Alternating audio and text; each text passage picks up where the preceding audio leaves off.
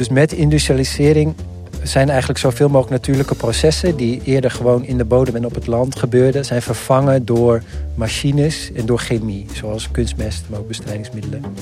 Met als gevolg voor de boer dat hij ook steeds meer eigenlijk uh, grondstoffen is moeten gaan aankopen van buitenaf. Als je naar veeteelt kijkt, is, eh, is het, de, het veevoer is misschien wel de grootste schakel in het product. Dat is waar, waar eigenlijk het geld, het grote geld wordt verdiend. De veevoerbedrijven, dat zijn vaak ook familiebedrijven, maar die staan allemaal in de quote 500. En niet onderaan in de quote 500. In de top 10 staan er volgens mij drie.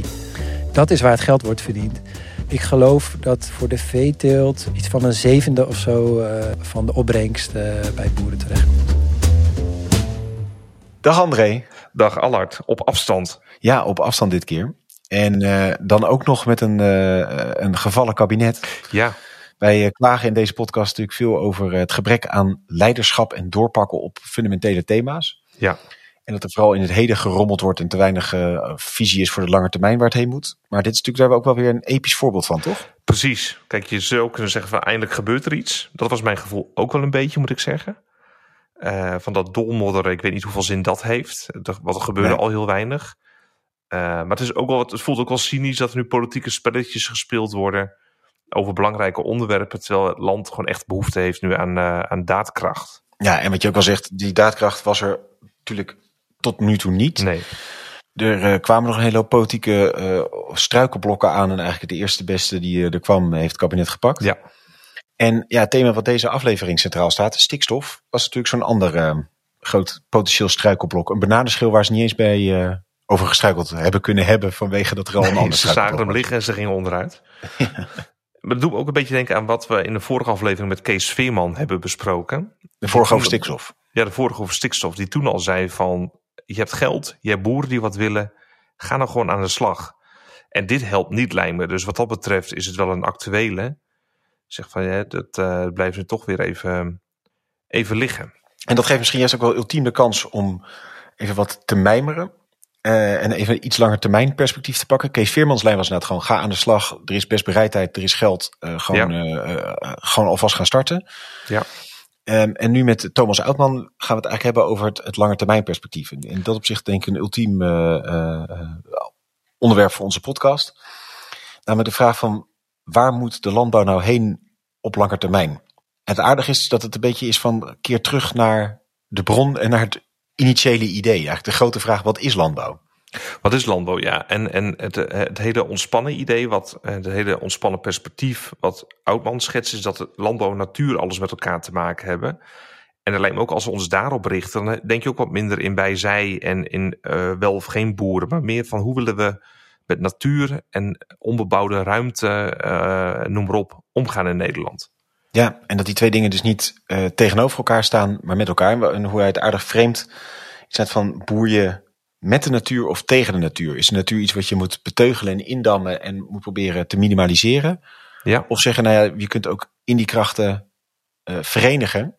Waardoor je net het mes aan twee kanten snijdt, namelijk zowel de natuur ervan profiteert, als dat je uh, op een duurzame en langdurig duurzame manier gewassen verbouwt of, of dieren houdt. Ja, en hij belooft dan uh, uh, met het perspectief, uh, het perspectief te onderbouwen van meer boeren en minder vee. Dus dat is wel een interessante benadering. En wat ik ook een leuke vind is, ik merk toch in dat hele stikstofdebat dat ik ook vaak nog, en dat gaat er wat aan vooraf, aan, aan al die lange termijn perspectieven van wat hebben we het nu precies over en in welke situatie zijn we beland. En ik vind zijn boek dat hij heeft uitgegeven bij de correspondent, vind ik ook wel echt verhelderend op dat punt. Van wat, wat, waar hebben we het nou precies over? Wat is het probleem? En waarom ja. is het nog niet opgelost? Waar komt die stikstof vandaan? En je hoort ook vaak de opmerking van, maar stikstof is nodig om planten te laten groeien. Nou ja, waar komt stikstof vandaan? Uh, uh, wat is het gevolg van dat er zoveel stikstof is in de natuur en hoeveel we toevoegen? Daar gaan we het ook allemaal over hebben. En er staat een lange termijn perspectief. Het is een, een goede klassieke Bram-aflevering zo uh, voor ja, de zomer. Dit is, dit is waar Bram voor bedoeld was. is. Goed. En we zijn hierna even een tijdje tussenuit. En uh, komen dan weer graag terug met, uh, met mooie afleveringen bij je. Dus een hele goede zomer ook gewenst bij deze. Fijne zomer en uh, veel plezier met deze aflevering. Dag Thomas. Hallo. Leuk om hier te gast te zijn bij, in de studio van de correspondent. Ja, leuk dat jullie er zijn. Ja, leuk. Je hebt een boek geschreven over stikstof. Ehm, en om maar meteen te beginnen van, ik krijg het idee, na het lezen van je boek, dat we enorm aan het dweilen zijn met de kraan open. Ja. Hoe, hoe moeten we dat zien? Ja, is inderdaad ook een analogie die ik in mijn boek gebruik. We, we hebben, we hebben een, een bad wat overstroomt. De stikstof komt via de lucht, uh, vooral uit de, uit de landbouw eigenlijk, komt het in de natuur terecht. En, en hoe we het probleem proberen op te lossen, is eigenlijk door allerlei verschillende dingen te proberen. Maar wat we niet doen, is het dichtdraaien van de kraan. Dus we, we, verhogen de badrand door te proberen hè, op slimmer om te gaan met die uitstoot. We proberen het putje uit te poeren. Maar wat we niet doen, is simpelweg de kraan dichtdraaien. En die kraan dichtdraaien zou zijn minder stikstof hebben. Ja, ja dat klopt. Dus uh, ja, daarvoor moet ik eigenlijk even uitleggen uh, hoe landbouw eigenlijk werkt. Kan ik heel kort doen hoor. Dus stikstof heb je in de grond. Dat zijn voedingsstoffen voor planten. Die dus hebben ze nodig om te element. groeien. Ja, ja, ja. Dus een van de mineralen die planten nodig hebben om te groeien. Nou, dat doen ze en daarmee nemen ze stikstof op. Dieren eten dat. Die hebben ook weer stikstof nodig om te groeien. Ze poepen dat grotendeels uiteindelijk weer uit. En zo bemesten ze eigenlijk de bodem. Want die mest kan door bodemdieren afgebroken worden. En daar wordt weer plantvoeding van gemaakt. Dus in principe heb je daar heel, heel, simplistisch gezegd. Maar is dat een kringloop die, die gewoon door kan gaan? Ja, hebben, hebben wij mensen stikstof nodig? Je noemt dieren hebben het nodig om te groeien? Ja, zeker wij ook. Dus uh, ons DNA bijvoorbeeld is uh, stikstof eigenlijk de belangrijkste bouwsteen. Hm. Eiwitten, eiwitten worden gemaakt van stikstof. Oh, okay. Je hebt ook fosfor, kalium nodig. Dat zijn een beetje de elementen waarop ons lichaam is gebouwd. Ja, interessant. Ja, ja, ja dus dat... En waar staat nu dan die kraan in open? Ja, dus na de Tweede Wereldoorlog hebben we, hebben we ons volledig gericht op het, op het laten toenemen van de, van de productie van landbouwgrond. En een truc om dat te doen is door stikstof toe te voegen. En dat doen we door middel van kunstmest. Dus kunstmest is uitgevonden begin 20e eeuw. Fabrieken halen stikstof uit de lucht. Dus stikstof zit ook heel veel in de lucht, maar planten kunnen daar niks mee. Is inactief. Maar in fabrieken kunnen we dat met behulp van aardgas uit de lucht halen en korrels van maken. En dat kunnen planten opnemen.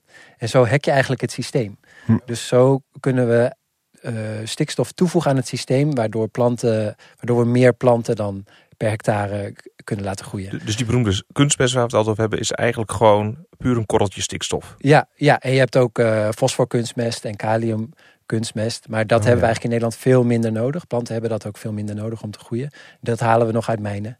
Oké. Maar stikstof is verreweg het belangrijkste element wat, wat planten... En relatief eenvoudig te maken dus ook, want je haalt die stikstof uit de lucht. Ja. Dus in die zin is het ook bijna uh, oneindig voorradig. Ja, inderdaad. De, dus zolang je fossiele brandstof hebt, uh, dat is natuurlijk niet oneindig voorradig. Nee.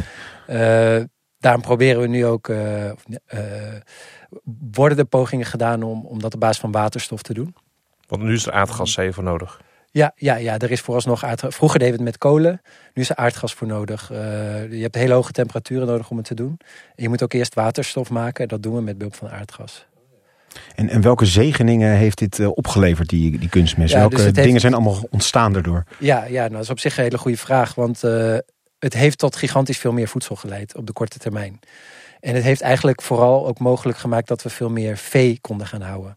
Dus vlees was natuurlijk altijd uh, een luxe product. Hè. Voor de oorlog aten alleen uh, zeg maar koningen elke dag vlees. Um, Hadden allemaal jicht ook. Wat zeg je? Hadden allemaal jicht ook. Toch, ja, dat is ja, ja. gezond. Ja. Ja. ja, dat kwam daardoor en ook wel door hun uh, bloedlijnen toch? oh, ja, Bloederig vlees en bloedlijnen. Ja, ja, ja. ja nee, klopt. Um, maar dus doordat we kunstmest hadden, zijn we gewoon enorm veel meer gaan produceren. En is er eigenlijk een heleboel landbouwgrond vrijgekomen die we zijn kunnen gaan gebruiken om veel vlees te produceren. Dus zijn we gewassen gaan produceren, graan en andere die we als veevoer zijn gaan gebruiken. Precies, want als je nu door Nederlandse landbouw of de natuur, zoals dat dan ook wel noemen natuurlijk, rijdt, dan zie je vooral uh, beplanting die bedoeld is voor als veevoer, mais, ja, uh, ja, ja, ja, gras in de eerste plaats natuurlijk. Gras, dus, Een derde van het hele Nederlandse landoppervlak is grasland. En dat is puur uh, koeienvoer. Oh ja, in ja. gedroogde vorm ook. Dus niet alleen het voer dat ze eten op de weilanden. Uh, nee, ja, inderdaad, je kan ze weiden. Maar eigenlijk wat veel meer gebeurt in Nederland, dat het gemaaid wordt en dan uh, ingekuild ja. of direct gevoerd. Ja. En, en hoe, hoe is die lijn vanaf de Tweede Wereldoorlog uh, begonnen? Want jij voor de oorlog, vlees was een luxe product. Na de ja. oorlog hadden we opeens wel vlees voor ons allemaal. Een, een, een, een, eh, een sleutelfiguur, zoals met Sikko Mansholt, die noem je ook in je boek. Ja, klopt. Hoe, hoe is dat, hoe is in, in, kort bestek die geschiedenis van de stikstof uh, verlopen? Ja, ja, ja. Nou, na, na de oorlog kwam er dus een gigantische modernisering van de landbouw uh, op gang. Het, was toen ook nodig, dus we moesten toen echt iets, omdat na de oorlog lag de landbouw grotendeels op zijn gat, omdat landbouwgrond was, was kapot, veel boeren waren hè, weg in de oorlog, uh, weg, weggegaan, niet meer teruggekomen. Nou ja, allerlei problemen. Dus dat moest allemaal weer op gang uh, gebracht worden. Uh, dat was een taak van Mansholt. Maar wat hij eigenlijk tegelijk ook wilde doen, was landbouw moderniseren. Voor de oorlog waren, ja, lagen, zaten boeren in zekere zin een beetje buiten uh, grote, buiten de rest van de samenleving. Er was echt veel uh, economische achterstand op het platteland. Okay, yeah. Boeren waren vaak gewoon echt heel arm. Uh, daar wilde hij ook wat aan, wat aan doen. En dat wilde hij doen door, door middel van modernisering. En dat was dus eigenlijk zijn, zijn heilige doel waarmee die de landbouw, waarvoor hij de landbouw wilde moderniseren. Ook hij wist dat we met de manier van landbouw die we toen deden, grotendeels zonder kunstmest, konden we de bevolking nog wel voeden. Oké. Okay. Maar dat is vooral een soort sociaal-democratische verheffingsideaal uh, ja. daarachter van, we moeten deze mensen inderdaad. een beetje helpen. Ja, ja, ja. ja nobel, zou je kunnen zeggen. Ja, ja, absoluut, ja. Was, wel, was wel echt een idealistische man. Wat, wat, wat, eh, wat, er wel gebeurde in het proces was dat, uh, dat binnen twintig jaar tijd uh, de helft van alle boeren werkloos was geworden. Dus die modernisering is door middel ook van schaalvergroting en industrialisering. Maar zeg maar de manier om meer te gaan produceren per eenheid arbeid is ook om ja, arbeid weg te halen. Om, de, om, om mensen te vervangen door machines. Um, dus, dus, dus het was niet helemaal eenduidig uh, in het voordeel van de boer.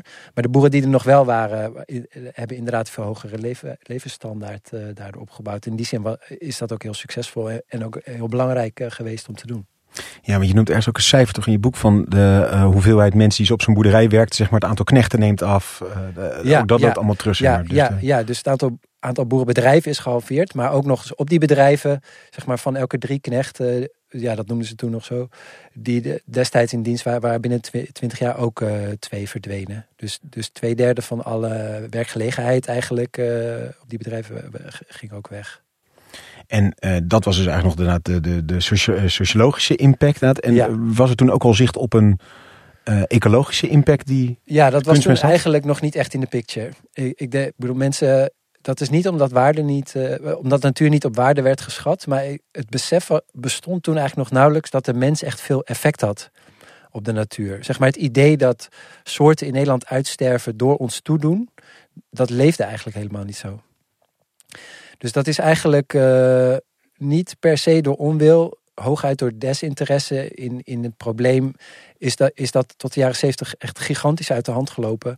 En toen werd dat eigenlijk plotseling heel zichtbaar. Dus uh, het boek Silent Spring van Rachel Carson, Amerikaans, kwam uit. Die, die, die heel treffend beschreef hoe door landbouwgif uh, alle vogels van het platteland verdwenen.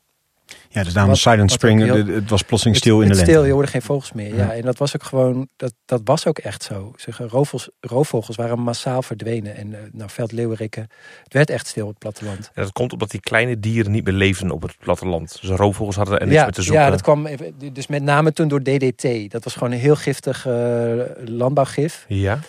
Uh, wat toen heel veel gebruikt werd. Uh, en, en daar kwamen ze eigenlijk pas na een tijd achter of zo. Of werd dat, werd dat echt duidelijk dat, dat gewoon wilde dieren daar massaal door stierven. Maar goed, dat was uiteindelijk niet de enige reden. Ook door, door, door, door de opschaling van de landbouw. En door uh, monoculturen te gaan gebruiken. Uh, verdween heel veel natuur van landbouwgrond. En uh, Grasland is daarvan echt een uitstekend voorbeeld. Dus ja, want we zien altijd de golvende groene weiden voor ons ja. als het over Nederlandse natuur. Ja, dus nou, dat is van oudsher ook zo. In de jaren 50 waren weilanden bestonden eigenlijk uitsluitend uit wilde planten. Dus boeren zaaiden geen grasland in, maar dat was er gewoon. En dat deed in biodiversiteit uh, niet onder voor andere natuurgebieden. Dus er zitten heel veel verschillende plantensoorten, grassen, maar ook allerlei kruiden, bloemen. En daarmee dus ook een heleboel soorten insecten en vogels, veel weidevogels. Maar door de industrialisering werden graslanden zeg maar geëgaliseerd. Dus helemaal vlak getrokken, uh, gedraineerd, dus zo droog mogelijk gemaakt. En ook steeds meer ingezaaid. En dus waarom dat droog maken? omdat het gras dan beter groeit. Dus, dus we gingen massaal Engels rijgras eigenlijk zaaien. En dat groeit gewoon als een tierenlier op basis van kunstmest. Hm. Dus dat, dat is waarom we eigenlijk Engel, Engels rijgas gebruiken. Dat is een plant stikstof even. die het uitstekend doet op ja. stikstofkunstmest. Ja, precies. En ook, uh, ja, maar ze houden niet van natte voeten. Dus, dus, dus je wilt het land eigenlijk ook zo droog mogelijk hebben. Met ook als voordeel dat, dat de machines er makkelijker overheen kunnen rijden. Ja, en niet wegzakken in uh, ja, drassigheid dan. Ja, dus eigenlijk onder al die gaslanden die je nu ziet zitten drainagebuizen uh, om, om, om het water zo snel mogelijk af te voeren. En we hebben ook het waterpeil heel, heel erg omlaag gebracht. Nou ja, weidevogels, uh, voor weidevogels bijvoorbeeld is dat problematisch, maar ook voor heel veel insecten en wilde, wilde plantensoorten. Ook de variatie hè, in omstandigheden verdwijnt, waardoor ook. En hangt het ook samen met, met, het, met het droogteprobleem dat, waar nu over gesproken wordt? Ja, ja. Het landbouw heeft heel veel water nodig. Ja, om, uh... ja, ja het, is, het is niet uh, per se uh, de landbouw alleen die, die, die, die, die die de droogte veroorzaakt. Maar de landbouw gaat op dit moment heel erg slecht om met die droogte. Onze landbouw is er helemaal op gericht om het water zo snel mogelijk af te voeren. Ja. En um, daar komt ook bij dat we dus door kunstmest eigenlijk het bodemleven zijn gaan veronachtzamen. Van nature um, maakt bodemleven de grond vruchtbaar. Die trekt dierlijke mest de grond in en breekt dat af. En haalt zelfs ook stikstof zelf uit de lucht. Eh, er zitten bacteriën in de bodem die dat doen. Maar door kunstmest heb je dat natuurlijk niet meer nodig. En kunstmest is ook slecht voor het bodemleven. De, ja, het, het, het, het, is een heel complex verhaal, maar heel kort gezegd: veel planten spuiten in natuurlijke situaties suikers de bodem in. Ja. Om daarmee uh, bacteriën en schimmels te voeden. Ja, die in de bodem? Ja, de bodem die hen de mineralen aanleveren. Hm. Zo lokken ze eigenlijk met die suikers en uh, ja, hebben dan een mooie ja, symbiose. Ja, het is eigenlijk uh, handel. Ja. Uh, sommige biologen beschrijven het als, als een vorm van handel die, die onder de grond wordt gedaan. Ja, dus als je bladeren in de herfst ziet vallen en die vallen allemaal op de grond. Ik dacht altijd in mijn hoofd van, oh dat is goed voor de bodem, want dat verrot en dat gaat de bodem in. Maar dat, die, al die, dat blader heeft bodemleven nodig om ook daadwerkelijk vruchtbaar te worden voor de, voor de bodem. Klopt, ja. ja. Tenzij je natuurlijk kunstmest hebt. En dan heb je ineens dat bodemleven daarvoor niet meer nodig. Niet om stikstof te krijgen in elk geval. En dat was eigenlijk het simplistische idee. Uh, maar wat er gebeurt is dat planten dus dan geen suikers meer eh, naar de bodem, uh, de bodem insturen. In, in, in zekere zin zeg maar slim. Want dat hoeft dan niet meer omdat je stikstof uit een andere bron krijgt. Die planten worden efficiënt. Ja, in die zin is dat heel efficiënt. Maar wat er, wat er wel gebeurt is dat het, ja, dus een groot deel van het bodemleven verdwijnt eigenlijk vrij direct daardoor. Omdat ze gewoon geen voeding meer krijgt. Maar die doet ook andere dingen. Dus uh, maakt de bodem ook sponsig. Dus schimmels die maken organisch materiaal, dus door de plantresten en zo, maken ze eigenlijk pakketjes van. Om die ook te bewaren en langzaam af te breken. En daarom vertelde ik dit. Dat maakt de bodem ook sponsig. Dus daardoor neemt de bodem uh, heel goed water op. Oh ja. Door die dode plantencellen. Dode plantencellen zijn eigenlijk sponsen die kunnen acht keer een eigen gewicht aan water of zo hm. opnemen. En dat is waarom goede grond, zeg maar, uh, ook in je plantenpot bijvoorbeeld, goed, goed water opneemt. Ja. En door dus veel kunstmest te gebruiken en ook door vaak te ploegen en bestrijdingsmiddelen te gebruiken, gaat allemaal ten koste van het bodemleven en ten koste van het organisch materiaal dus in je bodem. Dus dat is eigenlijk tot een minimum gedaald. Dat heeft ook verdichting, noemen boeren dat dan, tot gevolg. Als boeren dan ook nog met veel landbouwmachines overrijden, gaat de grond eigenlijk ja. Uh, ja. wordt heel compact, waardoor het nog minder goed water opneemt. En ook opbrengsten gewoon aantoonbaar omlaag gaan. Uh, ja, en dus krijg je zo'n situatie dat je de ene, hadden we natuurlijk dit jaar eerst heel veel regenval. Ja. Binnen een paar weken moet je toch weer sproeien, omdat ja. het water dus allemaal eerst heel snel afgevoerd is en vervolgens heb je het heel snel weer nodig. Ja, dus je hebt heel snel last van droogte, maar als die droogte voorbij is, dan heb je, is de grond ook veel slechter in het weer, weer opnemen van water. En waar wordt het water eigenlijk heen geleid? Ja, dus dat gaat onze rivieren in en dat ja. uh, dan naar zee. zee. Ja. En dan ben je het kwijt. Dat is gewoon heel zonde. Dus we, we hebben in Nederland eigenlijk geen droogteprobleem. Of, dat hebben we dus wel, maar dat zouden we niet hoeven hebben als we veel slimmer omgingen met dat water. Want er komt genoeg water binnen in ons land. Er komt ontzettend veel water binnen in ons ja. land alsnog via de rivieren. En uh, als, als, we, als we veel beter zouden worden om dat vast te houden, dan, uh, ja, dan, dan, dan kunnen we daar gewoon heel veel aan doen. En je schetst nu dat al toch relatief vroeg, zeg je jaren 70, duidelijk wordt, hey, er is eigenlijk best wel een ecologische impact van wat we doen. Ja. het is nu 2023, ja. wat, wat is in die tussenliggende 50 jaar gebeurd? Zeg maar. nog steeds in de shit. Ja, precies. Ja, Manselt is wel een hele interessante persoon, want vooral door het rapport van de Club van Rome zag hij in, oké, we moeten hier echt iets mee gaan doen. Dit is op de lange termijn niet houdbaar. En hij is toen gaan pleiten om uh, dus niet langer de productie in de landbouw te maximaliseren, maar eigenlijk... Uh, en hij zag daarvoor ook dat het echt een fundamenteel probleem in onze economie is. Dat we dus het BBP proberen te maximaliseren. Dat het om geld verdienen op de korte termijn gaat. En hij zei, we moeten naar een, naar een bruto maatschappelijk nut. Dus we moeten veel meer gaan kijken met name ook in de landbouw. Uh, wat zijn eigenlijk alle maatschappelijke functies die de landbouw voor ons vervult? Dat is niet alleen voedsel, maar het is ook het in stand houden voor ons ecosysteem, zodat we in de toekomst nog voedsel kunnen verbouwen. Ja. En dat is, dat is ook iets belangrijks waar, waar we fundamenteel rekening mee moeten houden. Um, maar hij was een roeper in de, in de woestijn. Ja, toen was hij, ja, ja, absoluut. Het was toen... het is eh, nu een woestijn inmiddels. Een ja, droogte en dood. En, uh, ja. ja, ja, ja. Nee, ja, we zaten toen zo in die gedachte van economische groei en uh, liberaal beleid. Dat is, en dat is in die tijd alleen maar erger geworden, dat, dat marktdenken. Um, maar je zegt net van we moeten rekening mee houden dat we op lange termijn dit niet goed is voor de voedselproductie. Ja, het huidige beleid put de grond uit. Is dat het uh, dus dat is één van de dingen, ja. Uh, het, dus onze grond, bodemkwaliteit wordt gewoon slechter. Uh, zeker ook in het buitenland, maar ook in Nederland. Ehm, het stikstofprobleem in de zin van stikstof die door de lucht in natuurgebieden terechtkomt, waardoor wilde, wilde soorten massaal dreigen uit te sterven, is een probleem. Ook onze waterkwaliteit is een probleem. Dus van landbouwgrond veel uh, stikstof, maar ook fosfaat verdwijnt van landbouwgrond het water in. En daar veroorzaakt het uh, algenbloei, want het is, hè, het is plantenvoeding. Ja. Ook algen groeien daarop. En ook blauwalg, wat, uh, wat een soort bacteriën zijn. Uh, waar we natuurlijk in de zomer veel last van hebben. En dat, dat wordt ook veroorzaakt uh, door te veel stikstof en fosfor uh, in, in, in, het water, wat ook van de landbouw afkomstig is. Nou, bestrijdingsmiddelen ook nog. daardoor is onze waterkwaliteit eigenlijk de slechtste van heel Europa. En je hoort mensen in dat slechtste van Europa. Ja, ja, dat is een vrij bizarre situatie voor een rijk land. Hè. We staan in het rijtje met, met, met Roemenië, Bulgarije, in uh, dat we gewoon heel slecht uh, omgaan met, uh, met ons water. Terwijl we een hoge kwaliteit drinkwater hebben, heb ik wel ja, ja, maar dat komt, dus dat is deels grondwater. En ook omdat we het gewoon heel goed reinigen. Maar goed, dat is gewoon, dus dat kunnen we, we kunnen dat wel reinigen, maar het is ook duur en wordt steeds duurder. Ja. ja.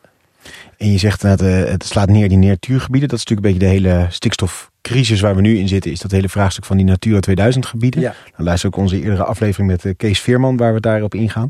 Maar daar geldt mee hetzelfde als die denk ik. Of niet? Dus dat een bepaalde soorten groeien enorm goed door die stikstof. Waardoor andere soorten verdreven worden. En... Klopt. Ja, ja, dus de ene plant gaat anders om met voedingsstoffen dan de ander.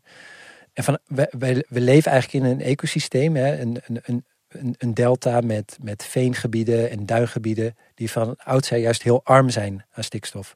Dus planten zijn zo geëvalueerd in Nederland om heel efficiënt en zuinig te zijn met stikstof. Maar je hebt ook een aantal plantensoorten in Nederland die een andere tactiek hebben. Namelijk, ze zijn niet zuinig, maar ze kunnen het heel snel hm. gebruiken. Ze kunnen het als het ware voor de neus van andere planten wegkapen. Nou, dan moet je denken aan brandnetel en bramen. Dus als er zeg maar van oudsher, hè, er loopt een, uh, een wild dier langs, zeg maar een oerrund of zo, die poept op de grond. En binnen een paar weken knalt die brandnetel daar op de grond uit. En op een gegeven moment is stikstof weer op en dan verdwijnt die brandnetel weer. En dan kunnen andere soorten, de, het merendeel van de soorten, het weer overnemen, zeg maar. Die worden dan weer de betere concurrent, omdat de stikstof weer weg is. Maar goed, nu hebben we zoveel stikstof dat de brandnetel gewoon altijd de beste strategie heeft. Ja, en dit is natuurlijk ook wel zo'n verhaal wat bij uh, mensen die de stikstofcrisis onzin vinden, zeggen stikstof is toch goed voor planten, maar dat is vooral dus voor specifieke planten heel goed. Ja, dus alle planten hebben stikstof nodig, maar het, het, het, het, het gevolg is dat dus een paar planten altijd winnen. Ja. En dat je dus, het is ook zo dat van, ja, uh, wat er ook vaak gezegd wordt van, uh, ja, brandnetels zijn ook natuur. Nou, dat is ook zo. Uh, en die kun, je, die kun je ook mooi vinden en ze zijn ook nuttig, zelfs voor, voor, voor vlinders. Maar het wordt wel steeds eentoniger. Ja. Ja. En nog even, even een, een, een klein zijpaadje van in dit, deze discussie hoor je ook vaak over ammoniak.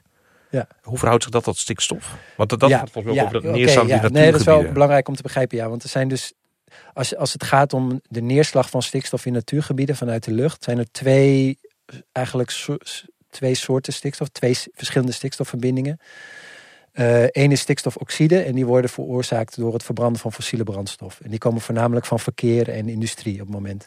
En de andere is ammoniak. Eh, en die komt eigenlijk voornamelijk uit, eh, bijna alle, allemaal uit de landbouw en dan voornamelijk de veeteelt.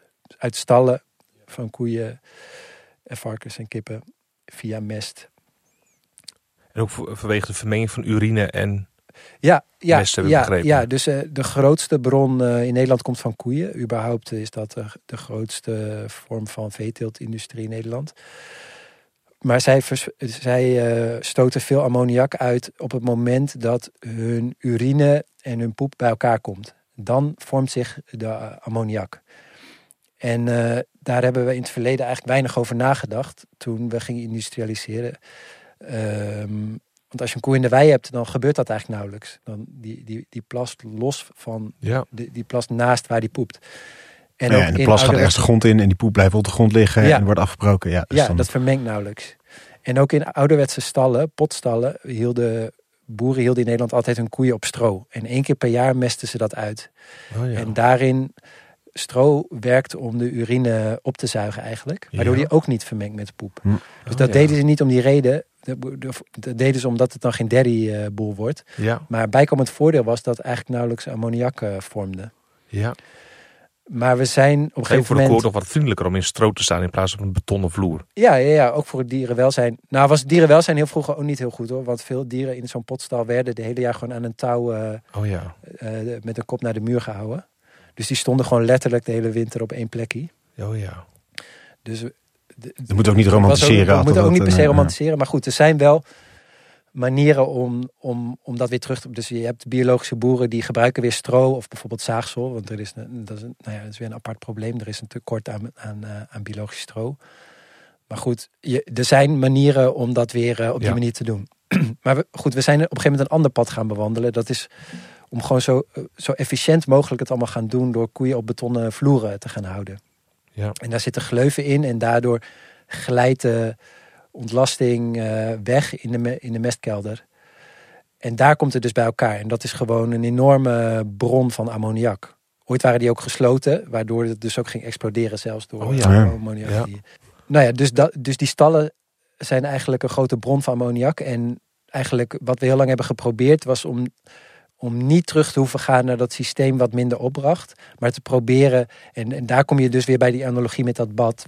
Dus in plaats van de kraan dicht te draaien, probeerden we de badrand te verhogen. Namelijk door te proberen om die ammoniak niet te laten ontsnappen bijvoorbeeld Ja. uit die stallen. Of door op allerlei manieren proberen toch die poep en die plas minder bij elkaar te laten komen.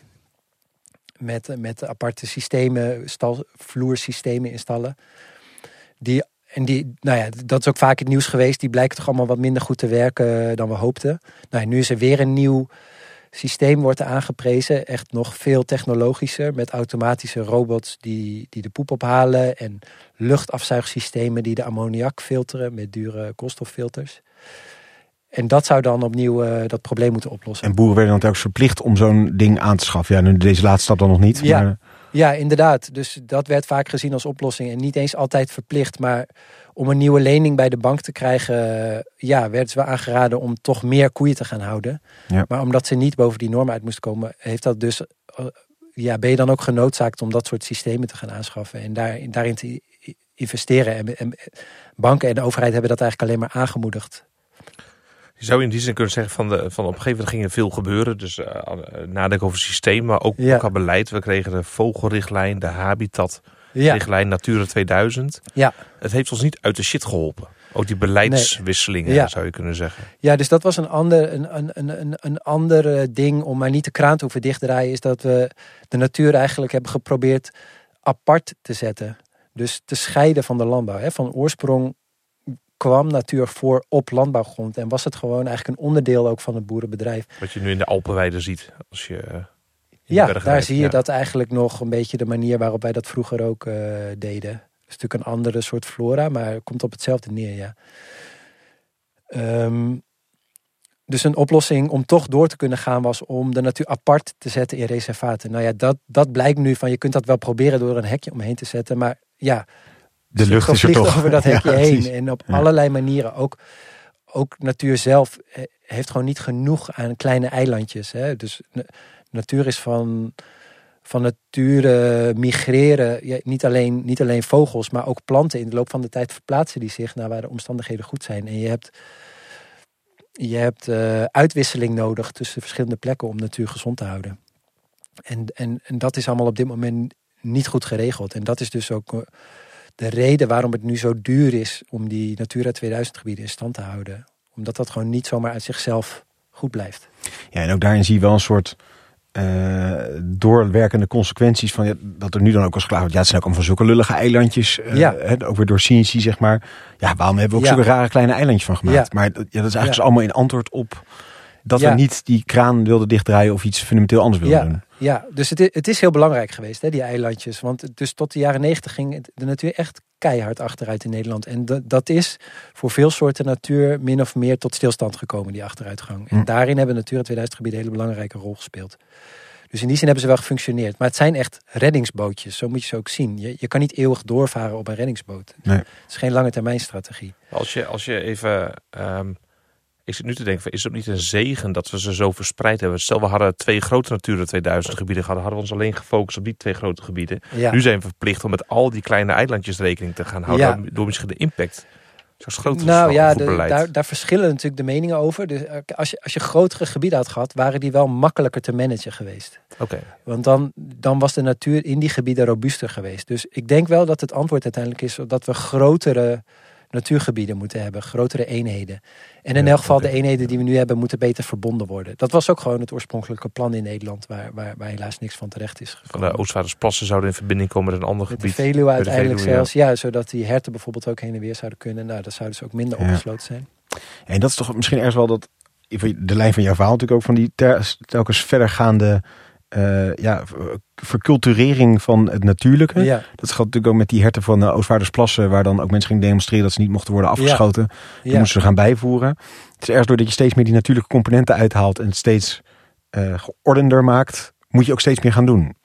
Ja, ja, ja, hoe meer je beheert, hoe meer je zelf er verantwoordelijk eigenlijk voor maakt. Terwijl natuur, ja, dat is nou juist mooi voor natuur, zeg maar. Da- daar heb je de mens niet voor nodig. Per definitie eigenlijk dat wat zonder de mens, ja, hoe je, hoe je natuurlijk wil definiëren, maar da- daar heb je geen mens voor nodig. Maar inderdaad, omdat we het zo zijn gaan managen, is het ook nodig geworden om het te blijven managen, om het Ja. in stand te houden. Dus daar zit je inderdaad in een soort opgesloten cirkel. Ja. En, en ontstond een hele klopt. interessante dynamiek. Dat vond ik ook een, een, een interessant punt in je boek.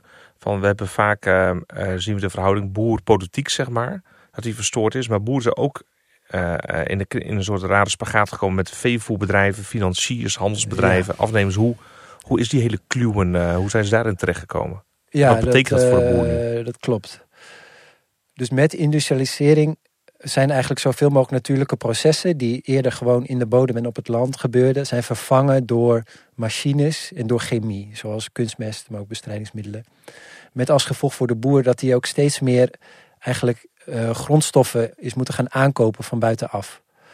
Dus waar de boer eerst eigenlijk gewoon de grootste en belangrijkste schakel in ons voedselsysteem was. Hè. Ja. Het begon eigenlijk gewoon bij de boer die voedsel verbouwde op zijn land. Die kocht eens een keer een, een, jong varkentje ergens om dan daar, daar een nieuwe eh, start mee te beginnen, ja, zeg maar. Ja, ja. nou, ja het, het, we moeten wel bij zeggen dat Nederland al een lange geschiedenis heeft hoor, voor, voor export bijvoorbeeld van landbouwproducten. Maar, maar niet zonder al die input. Maar nu is het zo dat eigenlijk die, die als je naar veeteelt kijkt, is, eh, is het, de, het veevoer is misschien wel de grootste schakel in het product. Dat is Hm. waar, waar eigenlijk het geld, het grote geld wordt verdiend. De veevoerbedrijven, dat zijn vaak ook familiebedrijven, maar die staan allemaal in de quote 500. En niet onderaan in de quote 500. In de top 10 staan er volgens mij drie. Dat is waar het geld wordt verdiend.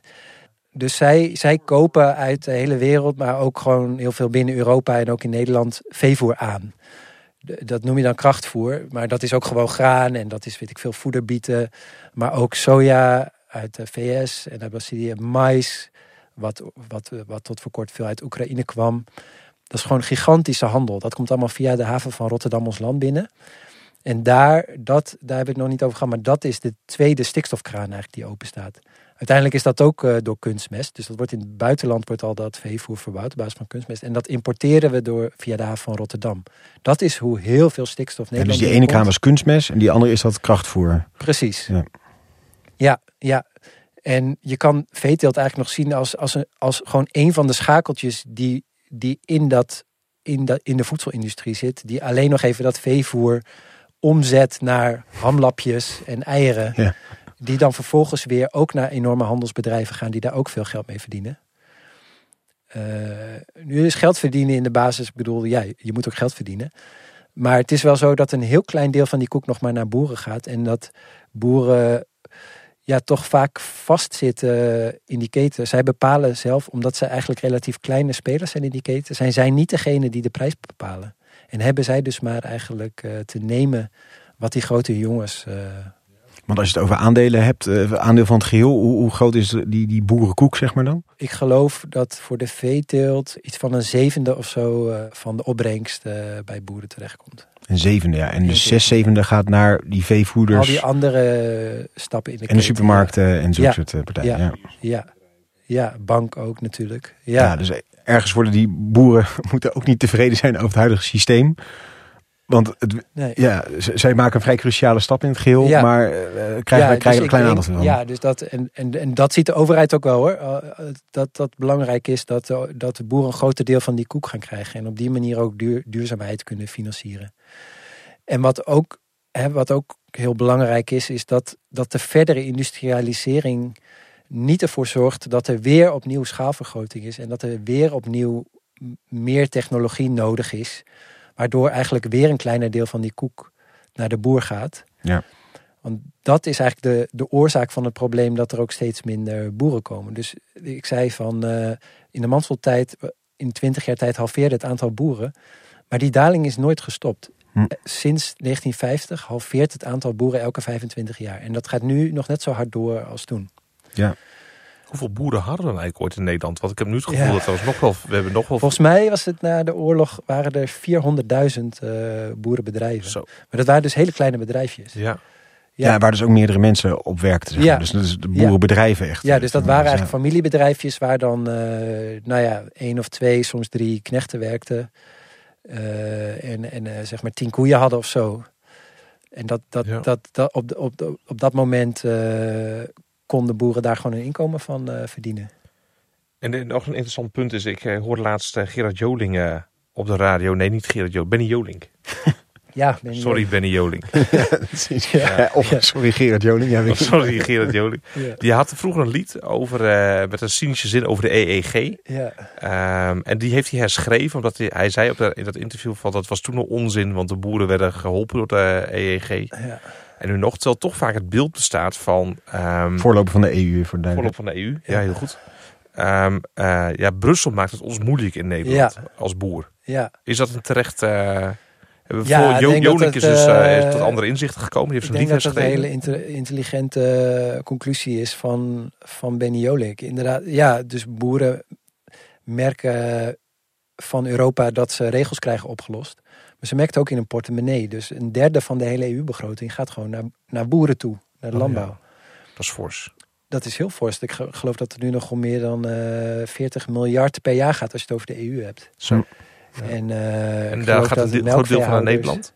Ja, gaat ook een deel. Er, wordt, er wordt, er zijn een aantal potjes, maar het wordt voornamelijk verdeeld op basis van simpelweg hectares. Oh dus ja. als je gewoon zoveel hectare hebt, krijg je zoveel geld. Oh ja. Voor de hele EU. Maar dat betekent wel dat dus grote boeren meer geld krijgen. Ja.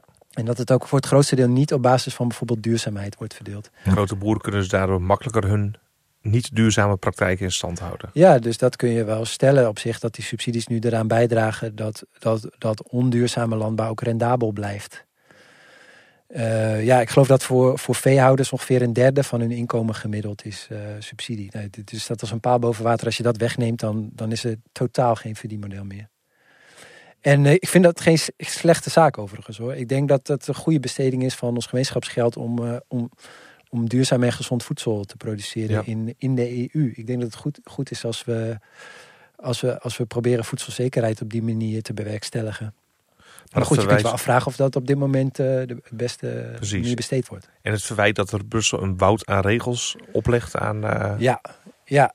Nou ja, ja, die regels hebben wel tot gevolg dat, de, de, dat, dat er nu nog wat natuur in Nederland is. En dat de bodem niet verder is verslechterd. En je zal dat moeten reguleren. Maar goed, ik snap ook wel weer dat... bedoel, er zijn heel erg veel regels. En ja, mijns inziens komt dat dus... Als we weer naar de analogie van, die, van dat bad gaan... Ja, als je, als je niet de juiste oplossing te pakken hebt... dan moet je dus een bout van regels gaan organiseren. En er komen steeds meer regels bij, omdat de bestaande regels niet werken. Ja. Wat mij betreft zitten we een beetje in dat systeem klem eigenlijk. ja. En is, is, is het daardoor dat, hè, want ik geloof best, eh, dat is ook zo, dat veel boeren door de, door, de, door de bomen het bos niet meer zien van al die regels. En, En misschien wel niemand eigenlijk de boom, eh, door de boom het bos ziet. Als in, ja. Als je dat regel op regel, regel stapelt is, dan komt er nooit natuurlijk een situatie uit die iemand bedacht heeft. Dan, nee, nee, het systeem zoals het nu is, zou je niet op papier ontwerpen van tevoren. Nee. Dat is wel duidelijk. Maar, maar het helder is dan ook van Europa komt met regels. Maar het gemarchandeer van Nederland met die regels levert nog veel meer regels op. Ja, Om ja. steeds die badrandjes wat te verhogen. Ja, ja, dus Europa laat eh, op allerlei manieren wel vrijheid voor individuele lidstaten om dat zelf in te vullen. En inderdaad, Nederland. Ja, ik kan toch ook wel weer zeggen dat, dat, dat het ook juist gebeurd is om boeren te, zoveel mogelijk te faciliteren. Dat er, dat er nog veel meer Nederlandse regels zijn gekomen. Dus eh, het, het, het, het hele stikstofmodel en eh, het handelssysteem wat daar aan hangt. Eh, Harrius eh, heet, dat, heet dat model. Daar is ook heel veel kritiek op van de boeren. Maar het is, uit- het is in de basis ontworpen om ervoor te zorgen dat wij de stikstofruimte die er nog is in Nederland zo efficiënt mogelijk kunnen gebruiken nog. Ja. Om eigenlijk alle gaatjes die er nog zijn in verschillende delen van Nederland, hè, tot, op, tot op de hectare precies, wordt dat dan Hm. een poging gedaan om dat uit te rekenen. Eh, met als doel dat we dus daar Hè, dat, we, dat we ook niet, vooral niet te strenge regels eigenlijk zetten. We zijn dat echt tot het maximale gaan oprekken. en dat levert nu kritiek op. Is het ergens allemaal een beetje een soort eh, zachte heelmeesters maken stinkende wonden gevoel krijg ik erbij? Dat gevoel, dat gevoel krijg ik ook zeker. Eh, Zeker als het dus al 50 jaar duidelijk is dat het niet de goede trend Ja. is. Is het allemaal pogingen Ja, we om... hebben dus geprobeerd om dat economisch systeem zoals het staat in stand te houden. En, en volgens mij is dat, eh, is dat inderdaad ja, proberen door te modderen op de weg waarvan je weet dat het eigenlijk fundamenteel niet een goede weg is. Ja. Ehm, En wat zou wel de goede weg zijn? Geval dus eh, Ja. die kranen dicht. Ja, wat, is de, vraag. wat is de reële werkelijkheidsequivalent van de Ja. kraan Want dicht? eh, de, de, de wat paradoxen je aandraagt in je ondertitels hebben meer boeren nodig. ja, Meer ja, problemen ja. ons op de hals halen zou je Ja. zeggen. ja, nou, ik denk dus dat boeren niet het probleem is, maar het systeem waar boeren nu in zitten. En dit, is een oplossing die eigenlijk in de politiek vrijwel niet hoort. Maar mijn idee is, en, en ook van trouwens van veel, veel, veel duurzame boeren, pak het probleem aan bij de bron. En dat is dus die stikstofkraan, kunstmest en krachtvoer. Dus in de veeteelt heb je eigenlijk niet echt kunstmest nodig. Je kunt weilanden gewoon eh, laten groeien zonder kunstmest. Dat laten biologische boeren in Nederland zien. Ik zeg niet dat heel Nederland biologisch moet worden, maar biologische boeren laten zien dat dat kan. Omdat dus het biologische keurmerk houdt in dat je onder andere dat je geen kunstmest mag gebruiken. Oké. En ze gebruiken ook veel minder krachtvoer. En toch verdienen biologische boeren op dit moment een goede boterham. Ja, precies. Dat komt omdat ze een kleine meerprijs krijgen voor hun producten. Hè, Biologisch eh, melk is Ja. duurder in de winkel en een klein beetje daarvan gaat, gaat naar de boer toe.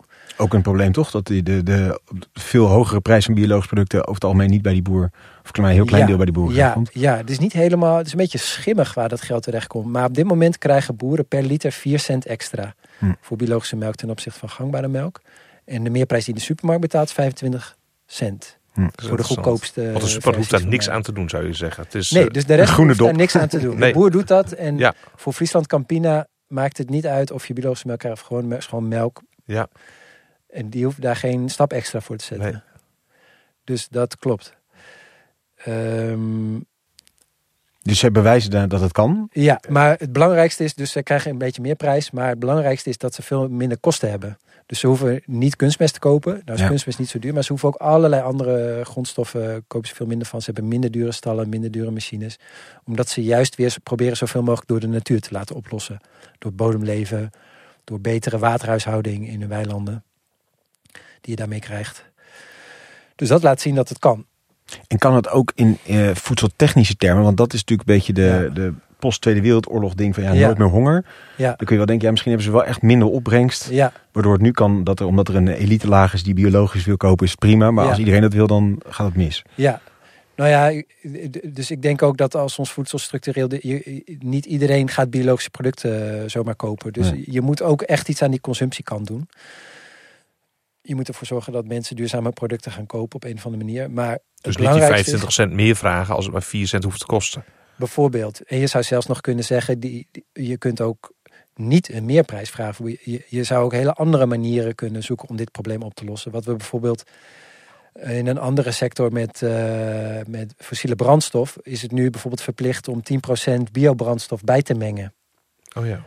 Nou, daar merkt de consument verder helemaal niks van. Dat gebeurt gewoon op de achtergrond vanaf de productiekant. Dat zou met melk ook kunnen. Je zou gewoon Friesland Campina kunnen zeggen van... eh 20% van de melk die jullie produceren moet van biologische oorsprong zijn. Of zeg, maar- ik zeg maar een percentage, of een oplopend percentage. Ja. Daar hoeft de consument niks van te merken. Die koopt gewoon melk in de supermarkt. En dat is gewoon, wordt steeds duurzamer. Ja. En dat heeft gewoon een, eh, een, een, een enkele prijs. En het, ja, ik vind het ook onlogisch dat je in de supermarkt moet kiezen tussen een onduurzaam of een duurzaam product. Ja. En al helemaal dat het duurzame product dan vervolgens duurder is. Ja. We hebben maatschappelijke kosten. eh, Door die onduurzame melk zijn de maatschappelijke kosten om bijvoorbeeld eh, die Natura 2000 gebieden te herstellen, om water te reinigen. Die lopen op en op. Ja. Wordt geschat dat de, die kosten per jaar 6,5 miljard euro zijn. Dus dat zijn de kosten van herstel van vervuiling door de landbouw. Ja. In Nederland zelf. En dat is nog niet eens een langetermijn perspectief die je al eerder schetste van voedselzekerheid, langetermijn, et cetera. Nee. Dat zit er allemaal niet in. Nee, dat is Ja. gewoon een echte kosten. En die kosten betalen we nu deels niet. Dus die laten we oplopen door CO2 uit te stoten, door eh de water te vervuilen, dat soort dingen. En door de natuur achteruit te laten gaan.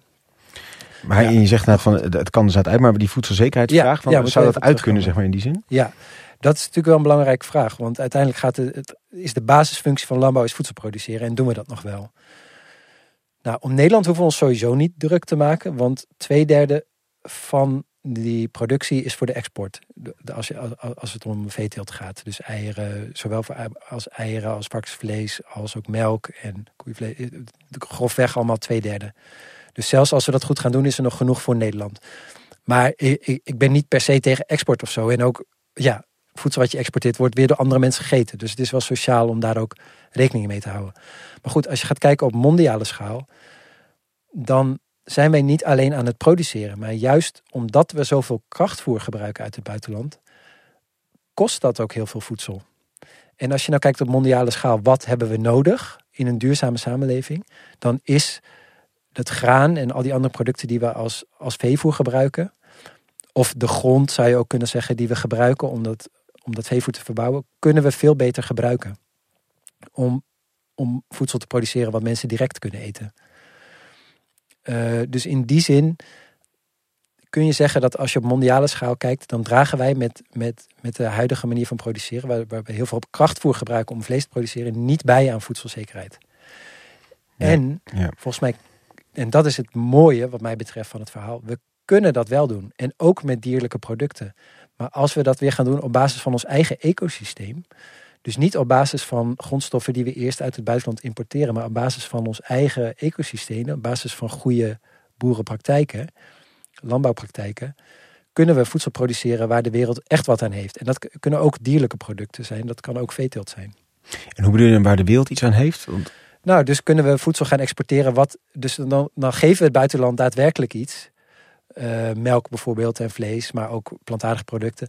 Maar draaien zij niet op voor de kosten daarvoor. Nee. Wat nu wel zo is in, in, in, in, de, in de vorm van eh, al dat veevoer wat wij importeren. En we houden ons eigen land gezond. En we houden onze eigen natuur Bodem, gezond. ja. En ook daarmee, daar profiteert ook de wereld van. Zeg maar, je kan ook zeggen van, ja, wat moeten wij met die natuur? Maar ja, we proberen ook als Europa En als wereld proberen we de biodiversiteit zo goed mogelijk overeind te houden. En we kunnen wel zeggen, ja, wij in Nederland doen daar niet aan mee. We zijn gewoon een soort stadstaat en wij gaan wel op vakantie naar mooie natuur in het buitenland. Ja. Zeg maar, je zou een wereld kunnen verzinnen waarin dat zo'n beetje zo werkt.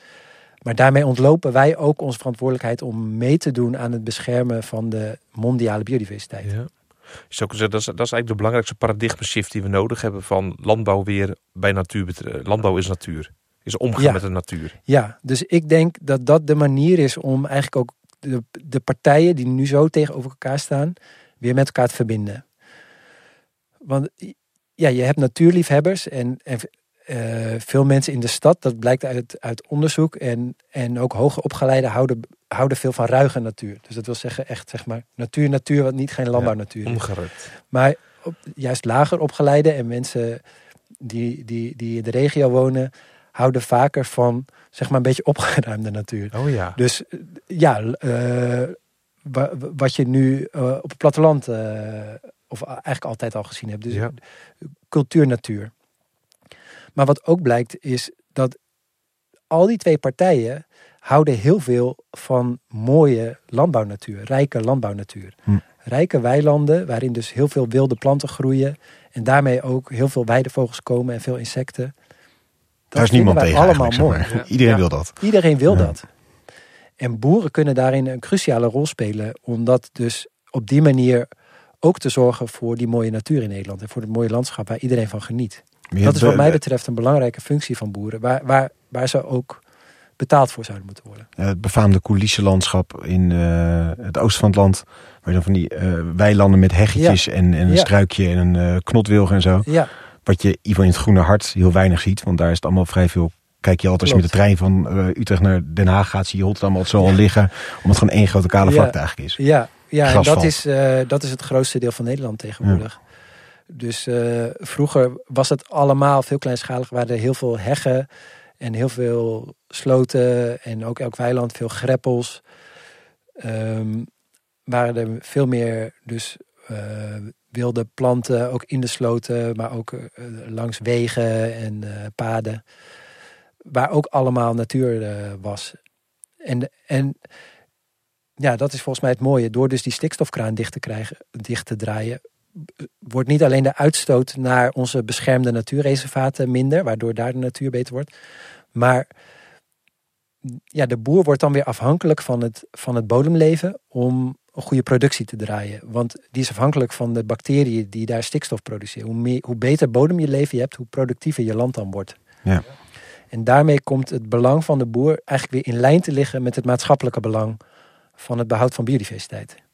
En als, je, als jij dit aan, eh, want het klinkt buitengewoon logisch. eh, en ik ben een totaal stadsopgegroeide jongen, dus ik eh, hoor absoluut bij die, die groep Ja. die het allemaal gewoon vooral mooi vindt. En ik vind het overtuigend verhaal. Wat gebeurt er als jij dit vertelt aan? Of Ja. hoe kijken die hiernaar? Want die hebben ongetwijfeld een hoop. Ja, Ik bedoel, anders was Ja. het er wel, zeg maar, als dit Ja. een, een Nou evidente ja, oplossing was. agrariërs zijn ook mensen, dus zeg maar, de, de reacties zijn overal verschillend. Ja, dat geloof het is moeilijk zeker. om dat zeg maar even kort samen te vatten, maar wat, wat ik, nou ja, als je dit aan biologische boeren vertelt, dan zeggen die allemaal, ja, ja, de, de, dit wist Dit ik, lang, dit is wat ik probeer. En, maar als je het aan gangbare boeren vertelt, nou ja, als je het dus over het bodem dan, dan kun je dus de reactie krijgen van, ja, ja, ja, dat zijn mijn opa ook altijd, eh, bodem, bodem, bodem. Maar ja, dat is niet meer hoe we het doen. En daar, eh, daar, daar hebben ze helemaal gelijk in. Dus niet in je eentje het systeem zomaar uit. Nee, nee, nee, dat kan ook niet.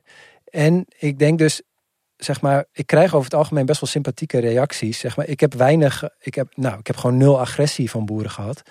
Omdat ze denk ik ook wel zien dat, eh, dat, dat het systeem wat ik schets, de boer in principe op waarde schat. Maar ze vinden het wel, zeg maar, sympathiek, maar wel heel romantisch. Hm. En misschien zelfs een beetje wereldvreemd. Van ja, zo, zo werkt het niet, jongen. We hebben te maken met internationale markt. En eh, we zitten helemaal vast hier. Dit is, hoe, dit is hoe de wereld nu werkt. Ja. Vergeet het maar. Maar ja, ik ben dan toch, eh, denk ik, eh, idealistischer. Of misschien heb ik meer vertrouwen in de overheid, omdat ik zelf die enorme rotte ervaringen niet heb. Waar, van een familiebedrijf wat eh, eh, Ja. al decennia lang Zal, je, steeds moeilijker je krijgt. zult het maar meemaken. Ja, dus daar, eh, dat, dat zie ik echt wel. En ook dat je daardoor dus denkt van, nou oké, ja, industrialisatie, we weten de toekomst. Er zullen steeds minder boeren komen en Straks zijn wij waarschijnlijk de lul, want wij zijn ook niet het allergrootste bedrijf. We hebben ook niet geld op de plank liggen om steeds maar weer nieuwe technologie aan te schaffen. Dus we gaan er misschien wel aan onderdoor. Maar ja, er is geen alternatief. We willen Ja. maar gewoon ja, zoveel mogelijk behouden als het nu is. Ja. Maar ja, dat is, zoom je uit, dan, dan is zoals het nu is niet houdbaar.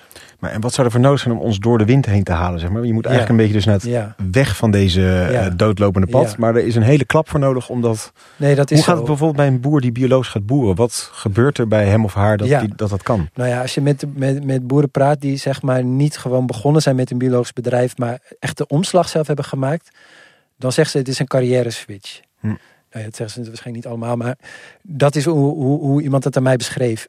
Je moet echt op een andere manier gaan denken. En je moet ook je bedrijf helemaal anders gaan inrichten. De financiering werkt anders.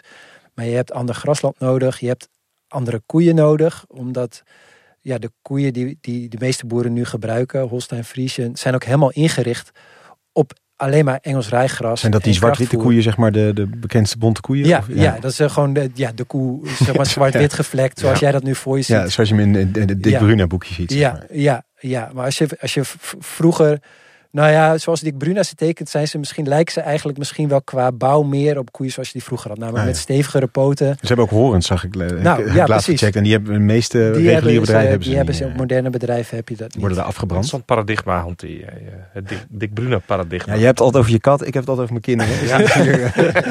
Eh, Zo gaat dat. Jouw kat is ook zwart-wit, op toch? Ja. Dat is ook natuur. Ja. heel goed. Nou ja, het is wel heel interessant inderdaad. Want dat, dat is een, een feit. eh, dat is in heel veel kinderboekjes gaat het gewoon over veeteelt. En wordt een beetje die manier afgebeeld zoals we dat eigenlijk vroeger deden. En, en je kan zeggen van, eh, daar, zijn, daar zijn wel veel mensen heel kritisch op. Van ja, de veeteelt wordt nu geromantiseerd. En dat is helemaal niet hoe het werkt. En we moeten allemaal eh, stoppen met vlees eten. Dat, want dat is niet... Nou, nou vind ik het heel goed als mensen trouwens minder vlees eten. Maar ik denk dat, dat, dat die romantische manier niet per se over romantisch is. Ik denk dat het echt weer een beetje meer zo eruit kan zien. Dat koeien, eh, dus zoals het werkt in de biologische landbouw, dat, dan heb je dus koeien die, die minder melk geven, maar wel veel beter opereren op minder krachtvoer. Ja. Langer leven, langer gezond zijn, veel minder antibiotica nodig hebben, want dat proberen ze dus ook in de biologische sector zo weinig mogelijk te gebruiken. Ja, want die koeien die nu meestal die lijn zijn in Nederland, zeg maar, leveren lekker veel melk op. En gaan dus goed die op zijn dus echt, eh, ja, die leven gemiddeld geloof ik vijf en een half jaar. Eh, waarvan ze er eh, dan drieënhalf eh, melk geven. En dan gaat de productie ach- achteruit en dan gaan ze naar de slacht. En er zit ook dan nog heel, heel weinig vlees aan, want we hebben Ja, gewoon weinig Want die spieren. slacht is wel bedoeld voor gewoon de consument. Ja, dus dat vlees wordt natuurlijk wel verwerkt. Maar het wordt niet met dat doel gefokt. Nee, precies. Dus eh, biologische boeren gebruiken vaak wat ze dan dubbel doel koeien Ja, noemen. Daar, zit ook nog, ja. daar komt ook nog aardig wat vlees vanaf. Ja. En dat is dan ook echt, eh, ja, dat kun je meerekenen in je inkomsten, zeg maar. ja. Ja, en die leveren dus wat minder melk op, maar die leveren wel weer Ja, eh, leveren wel iets meer vlees op. En, maar goed, uiteindelijk produceren biologische boeren gemiddeld maar half zoveel melk. Dus dat is echt een forse eh, Hm. achteruitgang. ja, precies. Maar goed, omdat ze dus veel minder kosten hebben, om allerlei redenen, eh, kan dat gewoon uit. Biologische boeren verdienen nu gemiddeld afgelopen tien jaar een kwart meer dan, eh, dan hun gangbare collega's. Maar inderdaad, en dan die grotere vraag van door die pomp heen te zien, wat dus een hele andere manier van werken. Dus de boer moet ook een, Ja. een mentale omslag maken. Ja, dus dat gaat natuurlijk tijd kosten. Want de boeren zijn de afgelopen decennia heel erg geselecteerd eigenlijk op gewoon eh, slimme ondernemers. Ja, En dat is natuurlijk helemaal goed. Eh, ja, ja, maar wat eruit is gegaan is dat ze, dat ze ook veel gevoel hebben voor, voor de ecologische kringloop.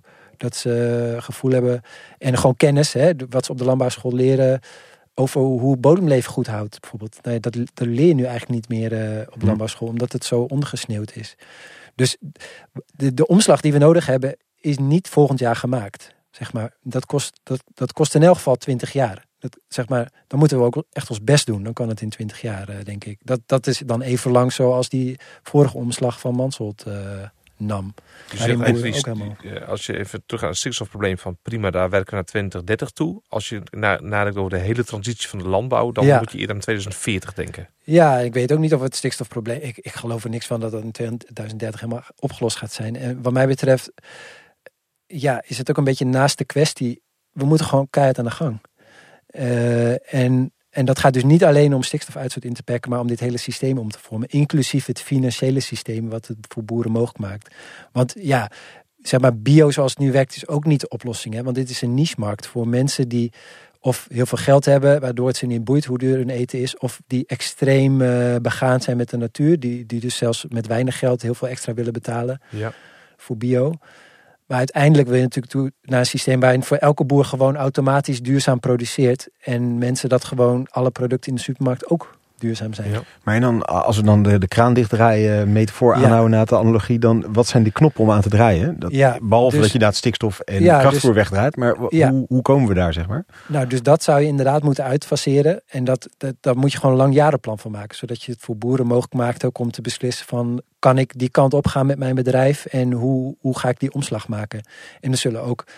Nou ja, daar moeten we ook eerlijk over zijn. In de varkensindustrie en de pluimvee-industrie zijn veel bedrijven... hebben zelf helemaal geen grond en zijn puur afhankelijk van krachtvoerimport. En die hebben geen grond, alleen maar die varkens en kippen oplopen die in de hebben stal. gewoon een stal. Ja. En die, eh, die hebben contracten met veevoerbedrijven. Zeg maar, die, ja, dat zijn gewoon bedrijf, bedrijven waar gewoon, eh, zeg maar, eh kolonne vrachtwagens aankomt rijden met kuikens en een paar andere vrachtwagens met veevoer. Zes weken later komen de, lege vrachtwagens weer aan om eh, de, de, de, de, de gegroeide vleeskuikens weer op te halen en de, en de mest af te voeren. Ja, echt industrie dus in die zin. Het is een dat soort, is een soort keiharde eh, industrie. het verschil niet of er auto's worden gemaakt of kippen worden grootgebracht. Ja, een beetje dat is gewoon een vergelijkbaar. ja. productielijn. Ja. Ja, dat is ook hoe, je daar, hoe daarover nagedacht wordt en hoe dat geoptimaliseerd wordt. Ja, nou, daar, daar moeten we dan denk ik eerlijk over zijn. Op die manier van werken is dan in de toekomst eigenlijk niet echt plek meer. Maar ik zie wel heel veel waarde alsnog van, de, van het houden van pluimvee en varkens. Dat is namelijk hoe het vroeger ook ging. Om, eh, om, om restproducten eh, goed Ja. te, eigenlijk zo waardevol mogelijk te benutten. Nou, dat proberen boeren nu heus ook wel te doen. Maar goed, de, hè, dus soja wat aangevoerd wordt, dan zeggen boeren vaak, ja, wij gebruiken alleen het schroot. Er wordt sojaolie gemaakt. Maar ja, het hele verdienmodel voor een boer en voor eh, grote handelsbedrijven om soja te produceren, is wel degelijk die component van veevoer heel belangrijk. Zeg, in waarde zelfs belangrijker dan sojaolie. Dus het hele systeem werkt op die manier. En dat moet volgens mij uit. We moeten eerst denken van hoe gebruiken we alles zo goed mogelijk voor mensenvoeding. Welke reststromen zijn er dan? En dat kun je dan gebruiken. Ik noem maar eh, afval uit bakkerijen, maar ook gewoon eh, als je gewassen produceert, komt daar ook veel plantendelen die, die we niet kunnen eten bij vrij. Die kun je ook als compost gebruiken, maar die kun je ook eigenlijk versneld in de kringloop weer brengen door ze door dieren te laten opeten. En dan de dierlijke mest gebruiken om je land eh, te bemesten. En eh, een beetje zo'n hele farfetch, maar ik kan me herinneren dat ik een boek ooit van Abraham de Zwaan las over eh, gezondheid en hoe eh, op een gegeven moment de introductie van toiletten een enorme hygiëne impact hadden en dat heel erg de levensverwachting heeft verhoogd. Ja, Dus in plaats van dat het zeg maar een gezondheidszorg impact was het juist dus na het toiletten heeft toen op een gegeven moment een enorme impact gehad. Maar toen zei hij ook wel, er kwam ook een vervreemding met menselijke eh, mest tot ja stand. Is dat in het hele eh, radicaal denken ook nog menselijke mest een factor of moeten we die wel Absoluut. keurig blijven afvoeren via het watercloset? Dat, dat vind ik een supergoeie vraag. Ben ik in mijn, in, in, mijn, in, mijn, in mijn boek niet echt op ingegaan. Maar ik noem het kort dat het. Kijk, als we veel minder vee gaan houden, dan, eh, dan krijgt de akkerbouw er ook een probleem bij. Tenminste, je kunt al die, dat soort problemen oplossen. Maar veel van, van de mest, dierlijke mest die wij nu produceren, wordt, wordt op, op akkerbouw weer gebruikt om planten op te laten groeien. Dus als we echt nu, op het moment hebben we mest overschot. Maar als we echt zeg maar teruggaan naar de helft of 30 procent van de hoeveelheid vee die we nu hebben, dan ontstaat daar ook een tekort. Maar het grappige is dat we dus, of nou ja, grappig is het eigenlijk niet, maar eh, een groot deel, dus alles wat wij zelf opeten aan voedingsstoffen, komt niet terug op dit moment in de landbouwkringloop. En wij Dat zijn het einde van de cirkel. we door de wc. zeg maar. Ja. Ja, en dat, en dat komt eh, of in de rioolzuiveringsslip komt het terecht, of eh, een 30% van de stikstof bijvoorbeeld gaat gewoon naar zee, waar het ook trouwens vervuiling veroorzaakt. En, eh, en ons, dat slip wordt verbrand, want daar zitten dus eh, ja, medicijnresten in voor mensen met een ontlasting mee. Maar goed, al onze rioolslip komt samen, dus er zitten ook verfresten in bijvoorbeeld van en allerlei, ik veel, chemicaliën die in ons afvalwater zitten mee vermengd. Dus op zich is het ook wel een goed idee om dat niet linea recta terug te gooien op het land. Dat deden we dus tot in de jaren zeventig, ging dat gewoon allemaal terug.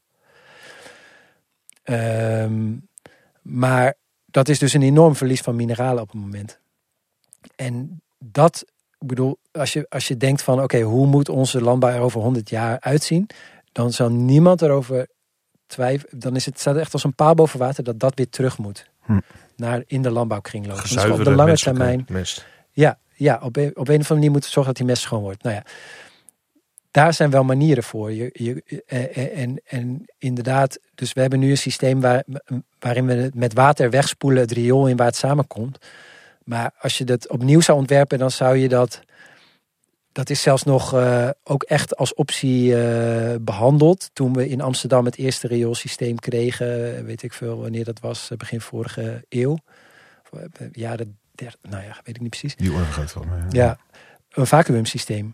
Waarin dus niet heel veel water gebruikt om onze poep heel erg te verdunnen. En samen met het andere rioolwater. Maar een apart systeem, vacuümsysteem, waar, waarin, waarin die poep gewoon zoveel mogelijk eigenlijk zichzelf blijft, zeg maar. omdat het gewoon een hele goede meststof is. Het is nog veel rijkere mest eigenlijk dan, eh, dan we nu van veel vee hebben. Omdat wij een, een rijker en gezonder dieet hebben met, met meer eh, schaarse mineralen erin bijvoorbeeld. Ja, het, het rekt wel de hele eh, eh, transitie nog wat verder op. Dus ik Ja. ja. misschien Ja. moet deze Nou ja, dat is wel een probleem, want inderdaad, je moet een uit heel de nieuw shit, maar ik gaan we rioolsysteem. in de shit. maken. ja, precies. Maar Ja, je liefde voor de shit is het een beetje. Je kunt dit gewoon stap voor stap proberen beter te maken. Je kunt gewoon nieuwe wijken die je maakt, maak je met een vacuümsysteem. En dan het, gewoon de hoeveelheid mest die we terugwinnen wordt daarmee steeds groter. En we besparen drinkwater. We sparen ook Ja. nog eens drinken. Ja, dat is natuurlijk ook ja, van de, van de, ja. ja, Van de als je eh, dit van de buiten van op mondiaal niveau, het is gewoon heel apart dat we heel dure En er zit nog wel zo'n stopknop op je toilet. Nou, hoe? Dat is Ja. dan de grote besparing. Maar ja, ja, dat, eh, nee, dat moet natuurlijk ook anders in de toekomst. Hey, dan- en misschien dan nog een laatste keer toch naar die vraag van door die eh, bochten heen gaan, zeg maar. Want het, Ja. het, het lijkt me een enorm goed wenkend perspectief. Ja. Hoe eh, lukt het ons om hier de handen voor elkaar te krijgen? Zeg maar? Hoe voorkomen Ja. dat het een heel mooi boekje blijft, waar dan wow, Ja. een wenkend perspectief, maar dat datzelfde gemodder door blijft? Want eh, het is natuurlijk ook een inherent probleem Ja. van de politiek überhaupt. Daar hebben wij het hele seizoen al over, al drie seizoenen Ja. over. Dat, het, dat zo'n perspectief van over 100 jaar, daar denkt niemand in, zeg maar. Ja, 2030 is al te ver weg. ja. Dat er ook wel eens gezegd wordt van dat de boeren mentaal al verder zijn dan soms aangenomen worden. Dus dat die polarisatie ook wel heel erg overtrokken Ja, ja, ja. Dus het, het, het lijkt niet va- door, door, doordat de aandacht zo op die protestboeren en dan nog op de simpelste uitingen van die protestboeren wordt gericht, gaan we ook voorbij aan het feit dat heel veel boeren heel graag duurzamer zouden werken. Ja. Maar gewoon nu de mogelijkheid daartoe niet zien. En, eh, en dat vooral eigenlijk aan het roepen zijn van geef ons de mogelijkheid om het goed te doen. En we hebben al heel veel gedaan. En dat is ook een feit. Eh, bijvoorbeeld, ja, het is gewoon zo uit de hand gelopen op een gegeven moment in de jaren zeventig met die stikstofuitstoot in Nederland. Boeren hebben dat meer dan, meer dan gehalveerd, eh, tuss- eh, zeg maar vanaf de jaren 90 tot 2010. Maar ja, nog steeds is het gewoon veel te veel. En dat geeft natuurlijk boeren vaak een dubbel gevoel van Ja. we hebben zo ontzettend veel We gedaan. moeten nog meer doen. Ja. Ja. we moeten nog meer doen. En Ik denk dat het daarvoor helpt als we, juist als we ons realiseren dat dit een systeemverandering is, waarin de boeren ook maar een onderdeel zijn, maar de hele samenleving daaraan moet bijdragen om ervoor te zorgen dat we dit systeem ook kunnen financieren. Ehm, wordt het misschien ook, eh, wer- werkt dat misschien verbindend? En ik hoop dus heel erg door ja, wel goed proberen uit te leggen dat dit wel echt de logische oplossing is. Dat je daar dus meer handen voor op elkaar krijgt. En dat iedereen daar ook baat bij heeft. Je, ja, ik vind het ook maar zo wat om de industrie altijd maar weg te zetten. Maar het is wel een feit dat bij dit systeem eigenlijk alleen de hele grote bedrijven die steeds een groter deel van de koek krijgen, baat hebben. Dus de grote veevoerbedrijven, die ook nu bijvoorbeeld die protesten dan mee hebben gefinancierd, die hebben gewoon baat bij behoud van, van dit systeem. Maar als je kijkt naar, naar, naar mensen, naar de bevolking van Nederland, ook de boeren, hebben geen baat op de lange termijn bij het behoud van dit systeem. Nee. Ik snap heel goed dat ze bang zijn voor te snelle transitie of dat ze niet worden meegenomen, dat ze tussen de wal en schip vallen. Maar waar ze baat bij hebben is niet behoud van dit systeem, maar ze hebben de baat bij dat de transitie goed wordt geregeld. En daarvoor heb je volgens mij een eh, overheid om dat te overzien en uit te leggen. Ja, en om het rechtvaardig te houden. Absoluut. Ja. Ja, dat is natuurlijk aan de, aan de basis. En, da- en, en, en dat is ook niet vanzelfsprekend. Want ja, als ons voedsel duurder wordt, zijn er natuurlijk eh, mensen de dupe van eh, die weinig geld hebben. Ja. dus dat zul je ook als, als samenleving moeten opvangen. Ja. ja. Maar goed, ja, ik, ik snap eerlijk gezegd, of nou ja, ik, ik, ik, ik weet wel natuurlijk een beetje hoe, hoe politiek werkt en dat niet altijd het maatschappelijk belang prevaleert. Maar ik denk wel dat partijen als BBB, CDA en mensen die, die echt willen opkomen voor de boeren, eh, dit verhaal zouden moeten kunnen omarmen. Ja. Dat denk ik echt. En wat zouden wij kunnen doen, zeg maar, als Nederlanders? Ja. Wat, wat eh, los van Nou, dus mijn dan- boekje eh, kopen en doorgeven aan anderen. Ja. De- de, eh, Daar zullen we toe oproepen. Nee, nou ja, ik denk dus dat, dat het geloof in, in, een, in, in, in, in zeg maar een betere wereld, in, in een beter landbouwsysteem, dat het, dat het echt heel belangrijk is. Dus door daar met elkaar over te praten en proberen voorbij die polarisering te komen en hè, eh, daarover te hebben, denk ik dat we verder kunnen komen. Ehm, maar uiteindelijk ja, is de politiek wel de essentiële schakel, eh, denk ik, om dit op te lossen. Juist omdat het een systeemverandering nodig heeft en, en, en dat eigenlijk van bovenaf uiteindelijk georganiseerd moet worden. Ja. Uiteindelijk vraagt het gewoon een politiek leiderschap. Ja. Ja. En kennis, want dat vind ik dus ook echt goed. Dat bijvoorbeeld dat gegeven van 1 zevende van die opbrengst komt bij die eh, veeboeren terecht, zeg maar. En de overige grote deel bij andere partijen. Dat is gewoon een. Dat moet ook onrechtvaardig voelen. Ja. Dat is daar, en dat helpt door zo'n gegeven te geven. Ja. En de bodemleven Ja. kennis, dat helpt ook gewoon om er anders naar te kijken. Ja, en dan Dus dat was een vrij biologisch verhaal toen, toen ik aan het begin. Maar dat is extreem nodig om die kennis te hebben. Anders blijf je net denken Ja, in een soort hele valse dichotomie tussen ja, eh, wat uh, ik ook boer en stad of zoiets. ja, een, een eye-opener vond, is dat die 25 cent die biologisch melk duurder is, uiteindelijk maar 4 cent voor de boer betekent. Dus in die Ja. transitie zullen we ook, eh, moeten zo de commerciële bedrijven een soort morele eh, keuze moeten maken. Ja. En dat ze niet extra gaan profiteren van die transitie. ja, Lijkt mij. ja, ja, dus inderdaad door gewoon alleen maar financieel te spekken. En, en- maar voor de rest dit huidige systeem, dan zul je zien dat het geld grotendeels weer terechtkomt bij de mensen die nu al bedrijven die nu exorbitante winsten eh, maken, waar vooral die aandeelhouders dan van profiteren. Ja. En dat, dat is inderdaad iets wat we zeker moeten voorkomen. Die, die, die 24,3 miljard die er nu voor het stikstoffonds is, die mag niet daar terechtkomen. moet bij de boeren terechtkomen. Ja, bij de boeren en bij het gewoon betaalbaar houden van het systeem. Ja. Bij de natuur, bij het instand houden van de natuur, daarvoor moet die besteed worden. En inderdaad voor het betaalbaar houden van ons voedsel en voor het betaalbaar houden van het produceren van dat voedsel. Ja. Dus eh, de landbouwers. Ja, mooi. Ik denk dat dat inderdaad wel aardig van samenvat wat je eerder al zei van niet tegen de natuurboeren, maar met de natuurboeren. Ja, Eh, en daar moet eigenlijk het hele systeem op gericht zijn in plaats van eh ja, tegenovergestelde. ja. Ja. ja. Dankjewel Thomas. Dankjewel. Heel graag Zeer boeiend. Ja bedankt. We gaan luisteren naar professor Dr. George Haring. De veevoeder- en kunstmestbedrijven dus. Die houden ons land in de greep door een rem te zetten op alles wat tot een stikstofvermindering zou kunnen leiden. Ze houden de boeren in de greep, zorgen voor stagnatie van de bouw van nieuwe huizen en zitten het natuurbehoud dwars. De uiteenzetting over de stikstofproblematiek en de oorzaken daarvan wijst in één richting, die van het grootkapitaal. Het is een verleidelijke conclusie. En er zijn verschillende van dergelijke eenduidige verklaringen die momenteel de ronde doen. De luchtvaart is de schuldige aan de overmatige CO2-uitstoot, om te beginnen de KLM. Het gebruik van fossiele brandstof is hoofdverantwoordelijk voor de klimaatcrisis. En daarom moeten de oliebedrijven aan banden worden gelegd. Te beginnen met de nog steeds met een vleugje Nederland omgeven Shell. En het lijkt ook waar te zijn. Als we de veevoeder- en kunstmestbedrijven nu aan banden konden leggen en dus ruimte gaven aan de ecologische boer, dan produceerden we als Nederland wel minder melk en vlees, maar daarvan is het toch wel genoeg, wereldwijd genomen. Het probleem is immers niet de omvang van de productie, maar de gelijkelijke distributie van dit voedsel over de gehele wereldbevolking. En dat we nu eens stopten met vliegreizen boeken. Een weekje naar Rodos is absurd, weten we inmiddels. Maar ook vliegen naar Londen, Berlijn of Parijs is onnodig. Neem de trein. En wat de olie betreft, faciliteer de aanschaf van elektrische auto's. Laadpalen zijn er inmiddels in Nederland in ruime mate.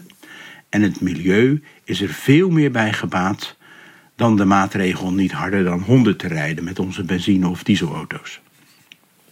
De oplossing ligt dus voor het grijpen, zo lijkt het. Maar toch heb ik mijn aarzelingen. Deze oplossingen veronderstellen een wereld waarin we allemaal hetzelfde willen. Weg veevoederbedrijven, weg KLM en weg Shell. Alle neuzen staan echter nooit dezelfde kant op. En het zou heel goed zo kunnen zijn dat kunstmest, kerosine en benzine ons iets hebben gegeven waar we niet zomaar zonder kunnen. Shell investeert weer meer in fossiele brandstoffen, omdat wordt voorzien dat we niet zonder kunnen in de komende halve eeuw. KLM heeft net miljarden geïnvesteerd in de vernieuwing van de vloot, want vliegen is een blijvertje. En elektrische auto's hebben voor hun batterijen op hun beurt ook weer een schaarse grondstof nodig, die de milieuverdedigers grijze aarde bezorgen. En dan, al deze oplossingen gaan uit van een gefixeerde, ideale wereld. Maar één oorlog kan alles in de war schoppen, leert ons het verhaal van Oekraïne. Zonder olie en vliegtuigen geen oorlogvoering. Zonder graanexport en economische crisis in dat land en honger elders in de wereld. De enkelvoudige oplossingen zijn aantrekkelijk als denkmodel. Maar de werkelijkheid is er te complex voor.